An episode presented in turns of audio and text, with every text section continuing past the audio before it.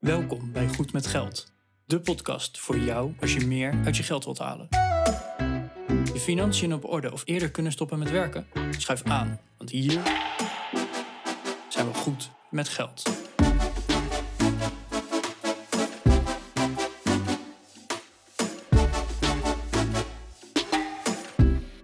Aflevering 223 van de Goed met Geld podcast. Welkom weer bij een nieuwe aflevering van de Goed met Geld podcast. En vandaag gaan we het hebben over transactiekosten bij brokers. Uh, wij kregen verschillende berichtjes van onze luisteraars, jou dus, uh, die, uh, die het toch wel opgevallen was dat er opeens transactiekosten waren bij een aantal brokers. En ja, hoe moet je daarmee omgaan? Hoe kan je daar nou het beste mee omgaan? moet je inderdaad je dollar cost averaging blijven toepassen? Of kan je het beter bundelen en in één keer je, je aankoop of verkoop doen? Daar hebben we het over. Uh, waar zouden wij rekening mee houden? We gaan dus in op een aantal van jullie vragen. Um, en dat wil ik dus sowieso nog een keer vragen. Heb jij een toffe vraag voor ons die wij moeten uitzoeken? Laat het vooral even weten. Goedmetgeldpodcast.nl slash contact. Uh, we noemen hier een aantal blogs en andere tips en tricks. Die kan je in de show notes van vandaag vinden. Goedmetgeldpodcast.nl slash 223. En vooral heel veel luisterplezier.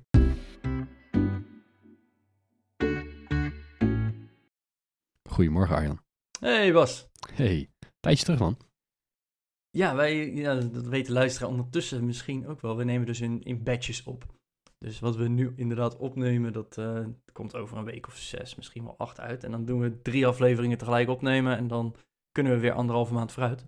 Dus mm -hmm. inderdaad, lang geleden dat we achter de microfoon zijn gekropen om uh, ja, even gezellig te podcasten. Ja, ja we krijgen wel, uh, nou, we krijgen sowieso van luisteraars natuurlijk leuke mailtjes natuurlijk, zeg ik. Misschien is dat niet zo natuurlijk, maar wij krijgen, zoals uh, al best wel lang, mailtjes van luisteraars met uh, vragen, complimenten en klachten. Ja. Um, Blijf dat ook zeker doen trouwens. Hè? Dat, uh, ja. Ik word er altijd heel blij van. Zeker de klachten, daar kunnen wij namelijk alleen maar beter van worden. Ja, maar, gelukkig, gelukkig valt het mee, maar... ja, maar ook de vragen inderdaad. En gewoon de complimenten van... hey, ik luister naar jullie, ik vind het tof, ik heb dit en dit daarvan geleerd. Ja, daar, daar worden wij echt heel gelukkig van. Daar doen we het voor goedmetgeldpodcast.nl slash contact. Daar staat gewoon een formuliertje, kun je ons een mailtje sturen. Maar goed, Bas, uh, ik ga er meteen eentje voorlezen. Leuk. Uh, want we hebben inderdaad een bericht gekregen en uh, dat is de, de aflevering van vandaag geworden effectief. Um, hallo Bas en Arjan, mijn naam is Brit en ik luister al een tijdje naar jullie podcast. Blijven doen Brit, blijven doen. Mede dankzij jullie ben ik al vanaf mijn 23ste gaan investeren in ETF's via de Giro. Ik ben een student en daardoor is mijn portfolio nog redelijk klein. Nou, voorheen was het dat de Giro geen transactiekosten in rekening bracht voor het kopen van ETF's. Helaas is dat nu wel zo en betaal je 1 euro transactiekosten bij het kopen van een ETF zoals uh, VWRL. En dat zijn dus ook gewoon de, de ETF's onderdeel van de kernselectie. Mm -hmm. Nou, en haar vraag, hè, ze geeft aan, nu is het misschien wel een interessant vraagstuk waar ik zelf niet zo goed antwoord op kan vinden of bedenken. Um, ik maak maandelijks 100 euro naar de, Giro, naar de Giro over en daar koop ik dus mijn stukken van. Is het dan beter om elke maand één ETF te kopen van om en nabij die 100 euro en dus ook elke keer 1 euro transactiekosten te betalen? Of is het beter om één keer een aantal maanden, hè, dus één keer bij, per twee maanden de ETF's te kopen? Ja. Waardoor je dus eigenlijk die transactiekosten bespaart. Nou, dan betaal je dus verhoudingsgewijs minder transactiekosten, maar je loopt wel weer uh, een te verwachten bedrag aan hè, stijging, dus of daling, dat kan natuurlijk ook, uh, loop je mis. Ja, ja eigenlijk weten ze het dus niet. En uh, of wij daar een aflevering over willen maken. Dus Brit, bij deze, hier komt hij. Hier is jouw aflevering, ja. Uh, ja, leuke vraag. Ik heb er zelf ook al eens uh, mee gezeten. Zeker toen ik net begon met beleggen. Toen was VWRL nog iets goedkoper dan, dan nu. Dus zaten we iets lager dan die 100 euro. Maar inderdaad, is een goede vraag. Van als je nou elke maand 100 euro kan beleggen en je kunt er één ETF van, uh, van kopen. Uh, en je zit bij een broker die uh, vaste aankoopkosten rekent. Ja. Kijk, als het een percentage is van, maakt het niet uit. Als je, je betaalt elke transactie, weet ik veel, 0,2% of 0,25 zie je wel eens langskomen. Dan maakt niet uit of je nou 1000 of 100.000 euro inlegt. Nee, want dan is het gewoon naar verhouding betaal je hetzelfde bedrag. Ja, Alleen in dit geval wordt, uh, ik, ik wist het niet, ik zit niet meer bij de Giro. Eh, disclaimer, ik heb wel best wel een tijdje bij de Giro gezeten, inmiddels niet meer. Um, maar nou, ik, ik wist het dus niet. Ik denk dat het nieuw is dat ze 1 euro transactiekosten in rekening brengen voor het kopen van ETF's. Ja, dan, dan is het natuurlijk wel zo, op het moment dat je 100 euro inlegt, is dat 1% van jouw inleg gaat op een transactiekosten. Op het moment dat je eh, het zou gaan opsparen en je doet een paar honderd euro elke paar maanden, ehm, dan, dan daalt dat natuurlijk wel. Ik vind het eigenlijk wel een goede vraag. Ja, nou, ik heb er inderdaad ook over na zitten denken. Ik zit ook bij de Giro. Of ook, ik zit wel bij de Giro Bas. En ja, ik, ik leg al een tijdje niet in. En dat komt natuurlijk door mijn verhuizing. Hè. Ik, ik moet een, een smak cashgeld hebben. En in de tussentijd is die euro erbij gekomen. Ja. Nou, en dat is dus inderdaad, hè, de, de kernselectie eh, is niet meer gratis gratis. En hè, de, ja, in principe is het nog relatief goedkoop, maar je betaalt gewoon per transactie die je daarin doet, betaal je een euro. En het is geen percentage, het is echt gewoon een euro per transactie. Dus als je er 1000 koopt, à 100 euro, eh, is dat nog steeds 1 euro. Ja, dan is het peanuts, dan is het gewoon een eurotje. Mhm. Eh, maar inderdaad, als je net zoals Brit elke maand keurig netjes een ETF-stuk koopt, ja, dan is dat opeens al 1% van je eigenlijk aankoopkosten eh, wordt daarmee gemoeid. Ja, dat, dat is het op zich wel veel. En ik heb er inderdaad ook over zitten denken, want ik, mijn bedrag wat ik elke maand inlegde, eh, was wel een stuk hoger. Dus hè, wat zou het dan betekenen? En ja, toen ben ik ook gewoon eens gaan bedenken van, eh, eh, wat zijn de alternatieven? Ik denk dat we daar eerst eens even naar moeten kijken, om ook tot een goed antwoord te komen. Want de alternatieven, die zijn er. Ik, ga hier onze grote vriend Geldnerd ook even aanhalen. Eh, die heeft heel recent een aantal blogposts gemaakt over overstappen naar een andere broker. Mhm. Ik geloof dat de lijst 25 of 30 verschillende brokers was Oh, waar je überhaupt keuze uit hebt. Nou, Geldnerd kennende was 75% viel per definitie al af. Eh, ik zou iets minder streng zijn, maar bij mij zou ook 50% afvallen. Mhm. Maar goed, de, de 50% die overblijft, heb je een aantal verschillende variaties dan op. Hè? Eh, of geen kosten. Mhm. Nou zijn dat vaak eh, iets schimmerige producten. Hè? Of het zit in een andere prijs verwerkt. Dus bijvoorbeeld, eh, als jij niks doet, betaal je een maandelijkse fee. Hè? Nou, dat wil je ook niet per se. Eh, en zeker met een bedrag wat Brit investeert per maand, 100 euro, dat is ik, echt waar, Brit, complimenten. Maar vergeleken met een aantal grote beleggers is het peanuts. Laten we eerlijk zijn. Ehm, dus dan opeens een maandelijkse fee moeten betalen, dat gaat echt gewoon ten koste. Dan betaal je meer kosten dan dat je rendement maakt. Dus die Mhm. valt dan eigenlijk al af. Nou, je hebt een aantal opties dat je, hè, zoals we daarnet al zeiden, een, een percentage betaalt. Nou, dat is op zich best wel netjes, hè? Dat, je, dat je gewoon eh, zegt van, nou, je betaalt 0,25%. Nou, op 100 euro is dat een kwartje. Of 25 eurocent, kwartje Mhm. bestaat niet meer. Maar goed, eh, ga je elke maand voor 1000 euro inleggen, is het opeens al 2,50. Nou, en dan heb je nog een aantal die inderdaad, net zoals de Giro, een, eh, een fee vragen per transactie. En ja, sommige die gaan dan inderdaad op uit van een percentage. Maar dan zit er ook nog wel eens een minimumbedrag aan. En dat vind ik wel een tricky, eh, tricky one.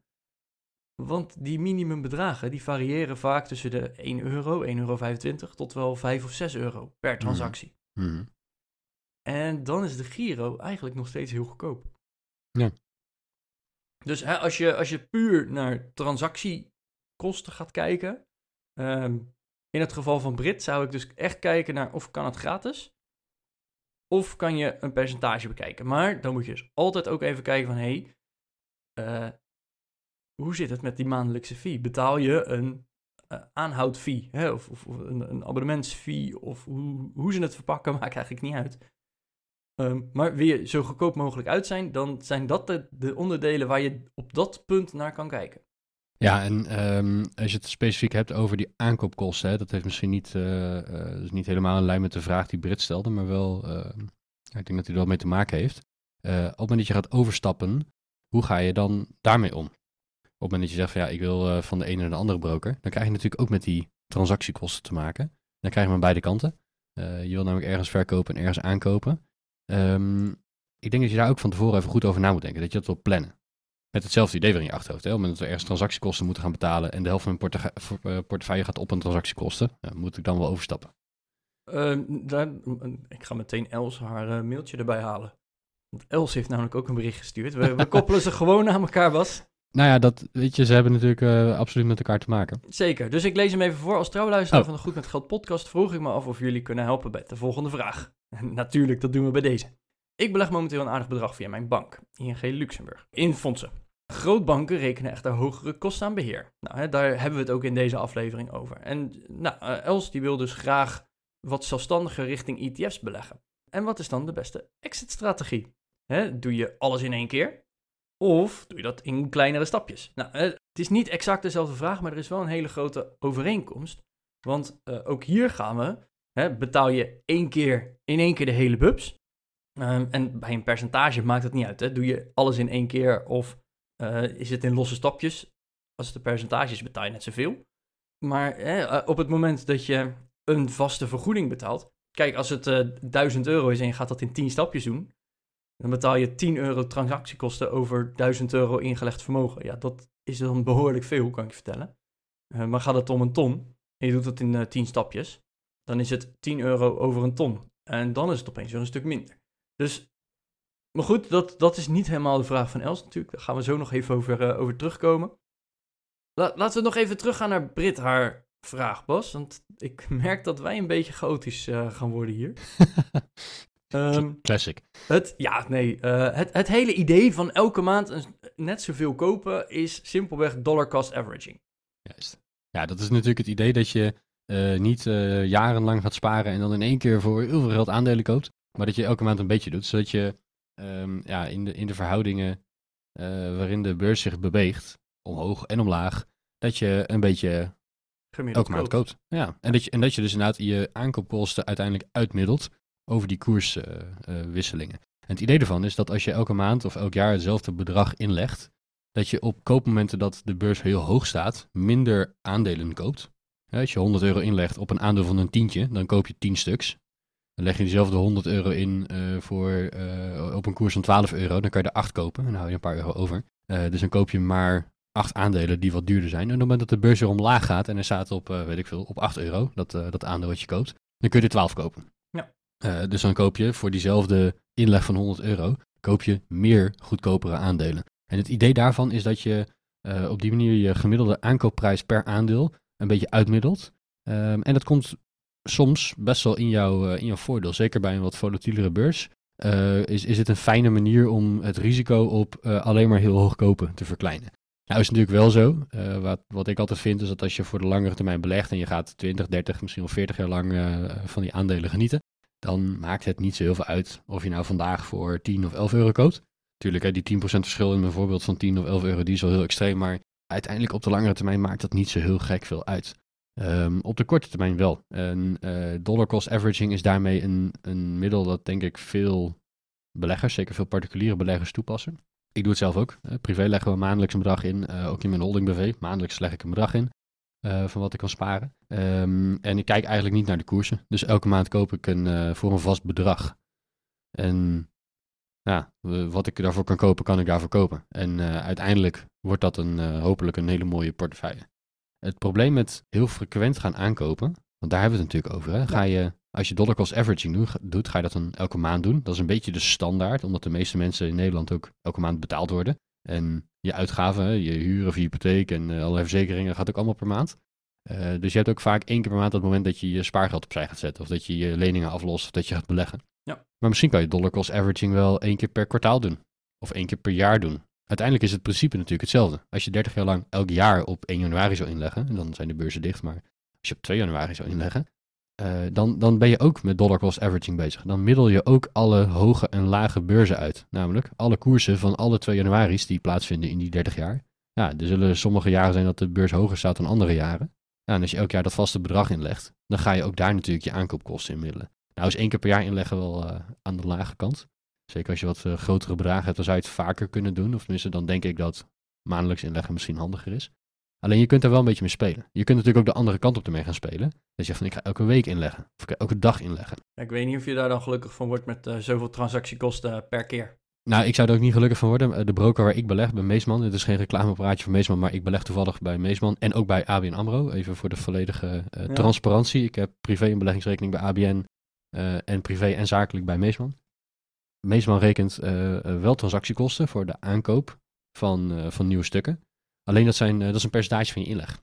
Dus die zeggen niet het kost een euro per keer of het kost 4 euro per keer. Of, je ziet bij verschillende brokers verschillende bedragen langskomen. Uh, het is volgens mij uit mijn hoofd, ik heb nu de website van ze niet voor me hoor, dus pin me er niet op vast. Maar volgens mij is 0,25% van het ingelegde bedrag. Ja, dan maakt het natuurlijk niet uit of je dat elke maand doet of elk kwartaal. In het geval van Brit, waar ze zegt van ja, ik moet een euro per transactie betalen. En ik leg maar 100 euro in, even maar tussen quotejes. Ehm, dan is dat 1%. En 1% is natuurlijk best wel hoog. Aan de andere kant, als je van plan bent om die aandelen nooit meer te verkopen en ze 40 jaar aan te houden. Ja, wat maakt die 1 euro dan uit? Weet je, dat, dat, daar, tussen die twee gedachten hink ik een beetje. Ehm, wat ik mogelijk in uh, Brit haar scenario zou doen, is uh, één keer per kwartaal gaan inleggen. Wel al elke maand die 100 euro op mijn rekening bij de Giro storten. Waarom? Dan is het van mijn betaalrekening af. Ja, dan heb ik het, al niet meer uitgeven. Nee, dan heb, je, dan, dan heb je het al gespaard, zeg maar. Dan is het al belegd. Het is alleen nog niet werkelijk in aandelen belegd, maar het staat al op je beleggingsrekening. Uh, en bij de Giro heb je volgens mij ook gewoon een, rekening waar je euro's aanhoudt. Het is niet dat je daar alleen maar aandelen of, of obligaties kunt aanhouden. Je kunt daar ook euro's aanhouden op die, op die rekening. Um, dus dat zou ik denk ik doen. Um, en op het moment dat je wat meer gaat beleggen, dan zou je kunnen zeggen: ik ga die transactie, of die, niet de transactie, maar ik ga de frequentie nu omhoog schroeven. Dat ik uh, maandelijks ga aankopen. Ik denk dat ik dat zou doen. Ja, en waar, waar, ik dan inderdaad rekening mee zou houden, is inderdaad het gewoon omrekenen. Dus hè, als je 300 euro per kwartaal doet, en je koopt daar dus iets, iets van, hè, een, een ETF maakt niet uit welke, en je betaalt een euro transactiekosten, dan is het opeens een euro over 300 euro.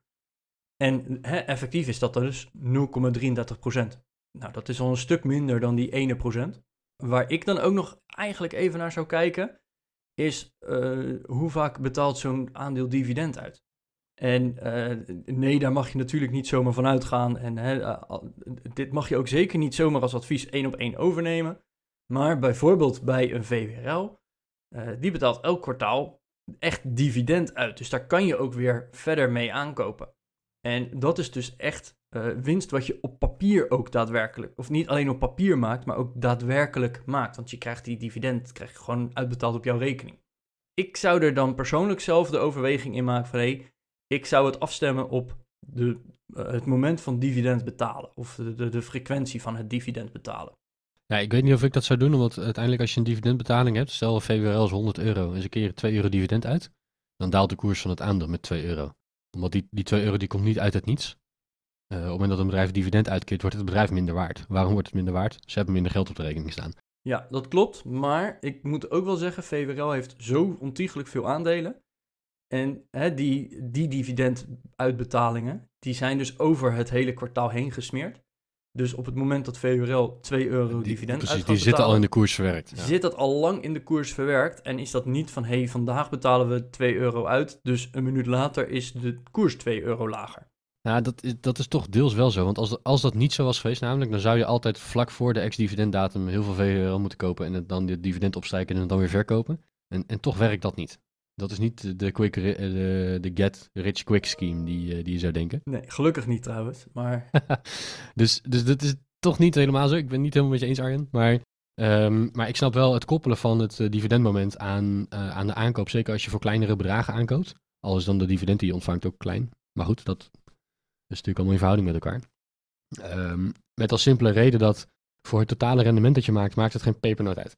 Of je nou waardestijging hebt of dat je dividend krijgt. Het maakt niet uit. Het is in beide gevallen gewoon rendement in euro's. Hè. 2 euro waardestijging of 2 euro cash op je rekening, boeiend. Uh, in beide gevallen ben ik 2 euro rijker geworden. Ja. Alleen, als je zeker in het begin van je beleggingscarrière zit en je hebt weinig euro's om mee te beleggen, dan helpt het om een paar extra euro's te hebben om mee te beleggen. Dus dat je dan eigenlijk direct na je dividenduitkering gaat aankopen. Ik denk dat dat is wat je bedoelt dat je dan kan zeggen, nou oké, dan gaan we wachten op de dividenduitkering en dan hebben we een paar euro extra om mee aan te kunnen kopen. Omdat we meer liquiditeit hebben dan. Ja, dat, dat is een optie, maar in ieder geval het, afstemmen op de frequentie. En of je dat dan zegt van, hé, hey, ik wil dat per se uh, direct daarna doen of juist er net voor, zodat ik er nog dividend over betaald krijg. Uh, dat, dat is iets wat, uh, wat Brit zelf moet gaan bedenken. Ja, we geven je uiteindelijk geen uh, beleggingsadvies. Nee, zeker dat niet. Dat is even heel belangrijk om te noemen. Ik, ik zou wel even kijken gewoon naar de frequentie. Van hey, hoe vaak wordt het dividend betaald? Als dat namelijk maar eens per jaar betaald wordt, ja, dan maakt dat ook natuurlijk daar weer niet uit. Het laatste wat ik hier nog over wil zeggen is, uiteindelijk maakt het niet zo heel veel uit. En dat heeft een beetje mee te maken, um, nee, het is niet helemaal waar. Het is niet dat het nooit uitmaakt. Maar wat, uh, wat ik bedoel met het maakt niet zo heel veel uit, is als Brit nu 100 euro per maand kan inleggen. En zij verwacht in de toekomst dat dat meer gaat worden. Hè? Dus, dus, misschien verwacht ze dat haar maandlasten gaan dalen of dat haar inkomen gaat stijgen, waardoor ze maandelijks meer kan gaan beleggen. En dat zet ze een jaar of tien door.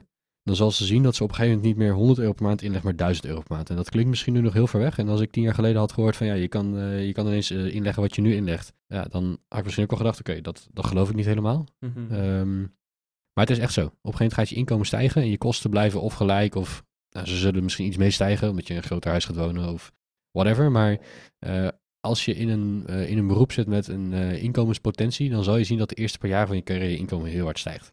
En dat werkt vrij goed door op je bottom line. En dus als je nu 100 euro per maand overhoudt en er komt topline 1000 euro bij, dan hou je straks gewoon 1100 euro per maand over.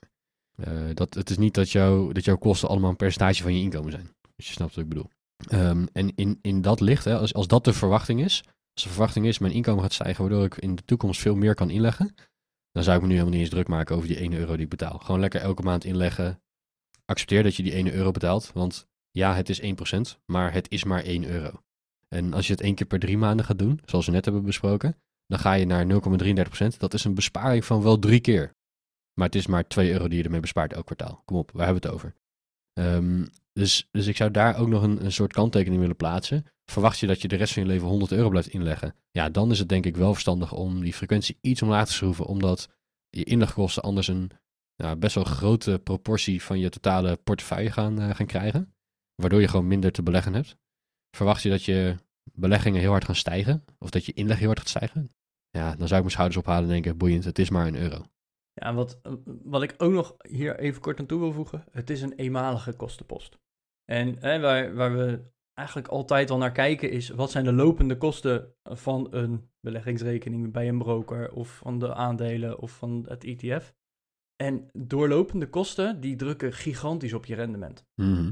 Simpelweg omdat ze elk jaar weer terugkomen. En hè, dan denk je, oh, het is maar 1%. Nou, en dan heb je inderdaad van die fondsbeheerders die echt gewoon eh, een flink percentage van jouw belegd vermogen een, eh, een rekening overheen sturen. En over 1%, dat kan zomaar een, een ton of twee schelen op de lange termijn over een wat groter bedrag. Dat, dat zijn echt gigantische bedragen die het scheelt, omdat dat ook nog is, hè, je betaalt nu een procent, maar omdat je een procent minder rendement hebt gemaakt, eh, maak je daar volgend jaar ook weer een procent minder rendement over. En dan gaat dat rente-op-rente effect gaat de andere kant op werken. Dus dat wordt alleen maar groter. Ja. Maar omdat die transactiekosten nu maar eenmalig zijn, is het dus eenmalig betaal je dat. En dan kan het daarna gewoon 40 jaar blijven staan. Ja, tenzij je elke maand natuurlijk gaat zitten aankopen en verkopen en de hele tijd aan het handelen bent en in- en uitstappen, dan niet. Hè. Dan zijn dat zeker wel terugkerende kosten. Maar inderdaad met het idee, eh, wat we bij Goed met Geld ook uitdragen, dat je belegt voor de lange termijn om op termijn vermogen op te bouwen. Ja, dan is zo'n zo'n transactiemoment is eenmalig en daarna hou je die aandelen voor de komende jaren aan. Eh, we zeggen altijd 30 jaar als voorbeeld, maar dat mag ook best een keer vijf jaar of tien jaar of whatever zijn. En dan, dan valt het allemaal mee met die eenmalige kosten. Ja. Maar eh, eh, desalniettemin, Brit, ik vind het nog steeds een echt goede vraag. En goed dat je ook over zulke dingen nadenkt. Ook al is het maar een euro in de maand. Effectief zijn dat wel de vragen die je af en toe zelf moet stellen. En soms is dan inderdaad het antwoord: ik maak me er niet zoveel druk om. Of ik probeer het net ietsje optimaler te doen, maar meer ook niet. Maar als je niet over zulke vragen na gaat denken, dan denk je al helemaal niet over nog grotere besparingen na. Dus eh, alleen maar goed dat je, dat je hier wel mee bezig bent. Ja. Dan nog even terug, Bas, naar de vraag van Els. Ik wil dat net gaan doen inderdaad, want ehm, op het moment dat je gaat wisselen van broker, dan krijg je natuurlijk ook te maken met aan- en verkoopkosten. En nou, nogmaals, als je dan eh, even het hypothetische scenario dat je over zou stappen van de Giro naar Meesman, wat ik in het verleden een keer heb gedaan. Nogmaals, geen, eh, ja, geen, geen endorsement voor één van de twee. Maar ik heb, dat is gewoon puur mijn eigen ervaring. Ik ben van de Giro, waar ik heel tevreden was, overgestapt naar Meesman, waar ik nu ook heel tevreden ben. En ehm, ja, je krijgt dan dus te maken met aan de ene kant je transactiekosten. Nou, als die een euro per keer zijn, dan betaal je dus aan de Giro een euro voor het verkopen van je aandelen. En bij Meesman betaal je een percentage voor het vervolgens weer aankopen van je aandelen. En daar heb ik al een, eh, een, paar kanttekeningen bij. Wat er namelijk gaat gebeuren is als jij eh, tussen twee brokers je aandelen gaat, eh, gaat overzetten, dan zijn er eigenlijk twee manieren hoe je dat kunt doen. En je hebt daar zelf geen invloed op. Met andere woorden, de brokers bepalen een beetje hoe jij je aandelen moet gaan overzetten. Het meest optimale scenario is waarbij de broker de aandelen zelf overhevelt naar jouw nieuwe broker. Dat zou ideaal zijn. Ja.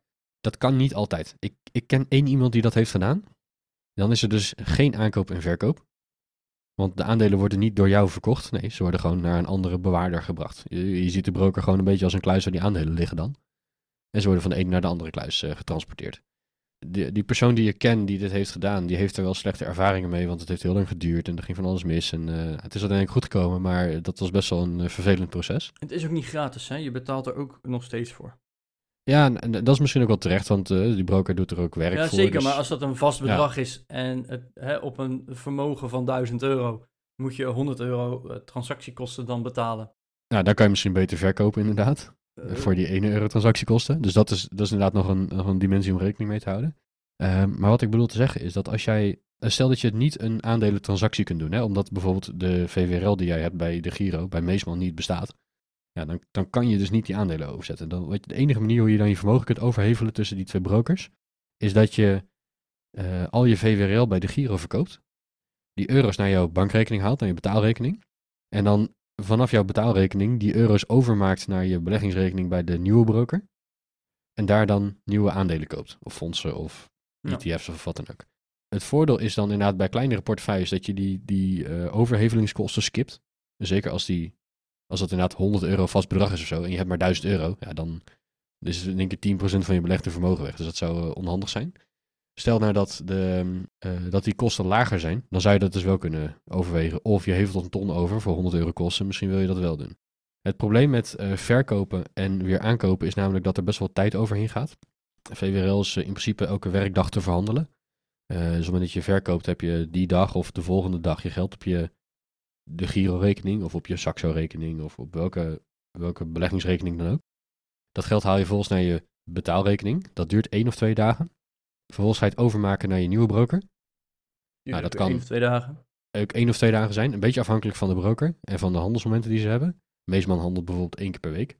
Dus ze kunnen zo, maar het zou zomaar kunnen dat er twee weken in totaal overheen gaat. Zeker als je nog een keer een feestdag, eh, weet ik veel, een tweede Pinksterdag ertussen hebt zitten op een maandag. Ja, dat is geen werkdag dat die banken eh, ook hun best doen. Dus dan, ja, het kan zomaar twee weken duren voordat eh, je aandelen weer opnieuw belegd zijn bij de nieuwe broker of beleggingsinstelling. Eh, dat, het daadwerkelijk overzetten van het geld gaat sneller, maar voordat ze uiteindelijk weer belegd zijn, kan ze twee weken duren. In die twee weken loop je koersrisico, want in die twee weken ben je niet belegd. En het koersrisico, dat werkt in jouw nadeel. De beurs gaat namelijk vaker omhoog dan omlaag. Anders zouden we op de lange termijn geen stijgende beurs kunnen hebben. Dus er zijn meer dagen dat de beurs omhoog gaat dan dat de beurs omlaag gaat. En op het moment dat je beurs omhoog gaat, terwijl jij net verkocht hebt, en je zit te wachten tot je kunt aankopen, dan loop je dus een, eh, dat, heb je daar een nadeel van. Op het moment dat eh, een aandeel van 100 euro naar 105 euro gaat, en je hebt net alles op 100 zitten verkopen, en je gaat weer terugkopen op 105, want dat is in feite wat je aan het doen bent, dan kost je dat dus 5% van je belegde vermogen. Dus je loopt daar een koersrisico. En nou, dan zou je wederom kunnen zeggen, bij 1000 euro, hm, kaal mijn schouders op, ik vind het niet zo interessant, want het is maar 50 euro. Gaat het om heel veel geld, dan zou je daar misschien ook een stukje dollar cost averaging in kunnen stoppen. Werkt op twee manieren. Je kunt natuurlijk zeggen, ik stop direct mijn inleg bij de oude broker en ik ga mijn maandelijkse inleg die ik toch al doe, direct bij de nieuwe broker doen. Dan loop je daar geen risico. Ehm, en de, de verkoop- en aankooptransacties die ik ga doen, die ga ik niet in één keer doen. Maar die ga ik, nou een beetje afhankelijk van hoeveel vermogen het is, maar die ga ik eh, verspreiden over een aantal weken of een paar maanden. eh, waarin ik steeds kleinere bedragen ga doen. En pas op het moment dat die bedragen binnen zijn, dat ik dan die overheveling maak. Zodat je alleen op de eerste en de laatste tranche eh, je koersrisico loopt. Maar op alle tussenliggende eigenlijk het aan- en verkoopmoment exact gelijk is. Dus je gaat de stel dat, je, eh, stel dat het 100.000 euro is in totaal wat je wil gaan overhevelen. Je gaat 10 keer 10.000 overzetten. De eerste keer dat je 10.000 euro overzet, duurt het twee weken voordat het bij de nieuwe broker is. En op het moment dat het bij de nieuwe broker belegd wordt, doe je direct een verkoop van 10.000 bij je oude broker. Dus de eerste keer loop je koersrisico. Daarna ga je ze constant tegelijkertijd aan en verkopen. Dus nummer 1 en 2, nummer 2 en 3, nummer 4 en 5 enzovoorts. Ik vind het eigenlijk wel een hele mooie, Bas. Die had ik nog niet, zelf niet eens bedacht. Nee, maar dan loop je op die transacties dus geen koersrisico. Alleen maar op die 10.000 die je in eerste instantie hebt gehad, die je dus over 10 weken pas op het einde eh, weer recht trekt. Als je de laatste transactie eh, hebt gedaan bij de nieuwe broker. Of 10 weken of 10 maanden of whatever je kiest, maakt natuurlijk niet uit. Eh, daar, daar loop je dan dat, dat koersrisico op. En dan smeer je dat risico dus ook uit in de toekomst. En met beleggen werkt het zo, omdat de beurs vaker omhoog dan omlaag gaat, is dollar cost averaging eigenlijk dom. Puur statistisch gezien is het slimmer om direct in te leggen op het moment dat je geld beschikbaar hebt. Want de beurs gaat vaker omhoog dan omlaag. Het punt is alleen, als die omlaag gaat, weet je niet wanneer dat gaat komen. En om dat risico te verkleinen wil je dollar cost averaging toepassen. Ehm, statistisch gezien gaat het twee van de drie keer goed als je het in één keer inlegt. En heb je dus een nadeel als je dollar cost averaging toepast. Op het moment dat je van brokers wisselt en de beurs gaat vaker omhoog dan omlaag en je doet eerst een verkoop en dan een aankoop, dan werkt een beursstijging dus in jouw nadeel en gaat dit hele principe van dollar cost averaging is dom, gaat dus precies andersom. Dollar cost averaging is dan slim, omdat je dan dat, dat risico op die stijgende beurs, wat twee derde van de kans is, niet meer hebt. Ja, dus eigenlijk is het alleen maar slimmer om te doen. Ehm, waar, waar ik nog heel even op terug wil pakken, en dat is het mailtje zelf. Ehm, en ik weet niet of Els het heeft uitgezocht, hè, dat hou, hou me even te goede. Maar in haar mailtje staat: grootbanken rekenen echter hoge kosten voor aan, voor aan voor het beheer van de fondsen. Die aanname wil ik niet zomaar doen. Ehm, tegenwoordig er zijn meerdere grootbanken die, die, waar je ook gewoon kan beleggen. Grootbanken hadden vroeger altijd de naam dat ze duur waren met, als, als broker. Maar dat valt tegenwoordig ook wel mee. En fondsen hoeven niet per se duur te zijn. Uh, er zijn ook nee, dat valt zeker mee. Ja. Er zijn ook fondsen waar je inderdaad een beheervergoeding betaalt, die om en nabij gelijk is aan een VWRL of een ETF. Hmm. Uh, van, van een dergelijke grootte. Dus ik, de, de aanname wil ik niet per se doen uh, dat een grootbank of een fonds duur is. En misschien is dat dus ook wel goed om, om even uit te zoeken als je een fonds hebt of als je bij een, een grootbank belegt. Welke kosten betaal ik nou? En hè, als dat in plaats de standaard 0,25 die een, een VWRL is, dat geloof ik, die, dat is het ongeveer een kwart procent. Mhm. Stel dat jij bij je grootbank 0,3 procent betaalt. Ja, ik denk niet dat ik daarvoor over zou stappen. Nee. En uh, wat, je, wat je dan eventueel zou kunnen doen, en daar ging Geldnerd in zijn artikel heel erg op in, want die wilde eigenlijk een tweede broker. Uh, Ook een beetje hè, uh, risicodekkend door een, gewoon een tweede broker erbij te hebben. Ja, dat is dan ook een optie. Hè, dat je wat je hebt, laat je gewoon staan.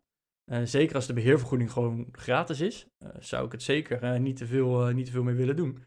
En gewoon een tweede broker en een tweede account ergens anders starten. Ja, dat is best wel slim. En in principe loop je daar vrij weinig risico, denk ik, met je broker. Al je eieren in hetzelfde mandje. Dat is natuurlijk nooit heel handig. Want als je het mandje laat vallen, is alles stuk.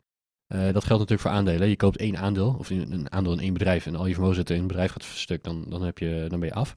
Uh, daarom beleggen we in ETF's. indexfondsen of in ETF's. Ja. Precies. Zodat we niet al ons geld in één bedrijf stoppen, maar in vele verschillende bedrijven. Om dat risico te spreiden. Voor brokers zou je hetzelfde idee kunnen hebben, maar ik denk dat het in de praktijk meevalt. Omdat een broker uh, zelf niet de aandelen bewaart, maar dat doet een bewaarbedrijf. En die zijn uh, meestal een stichting en die zijn niet gekoppeld of gelieerd aan jouw broker.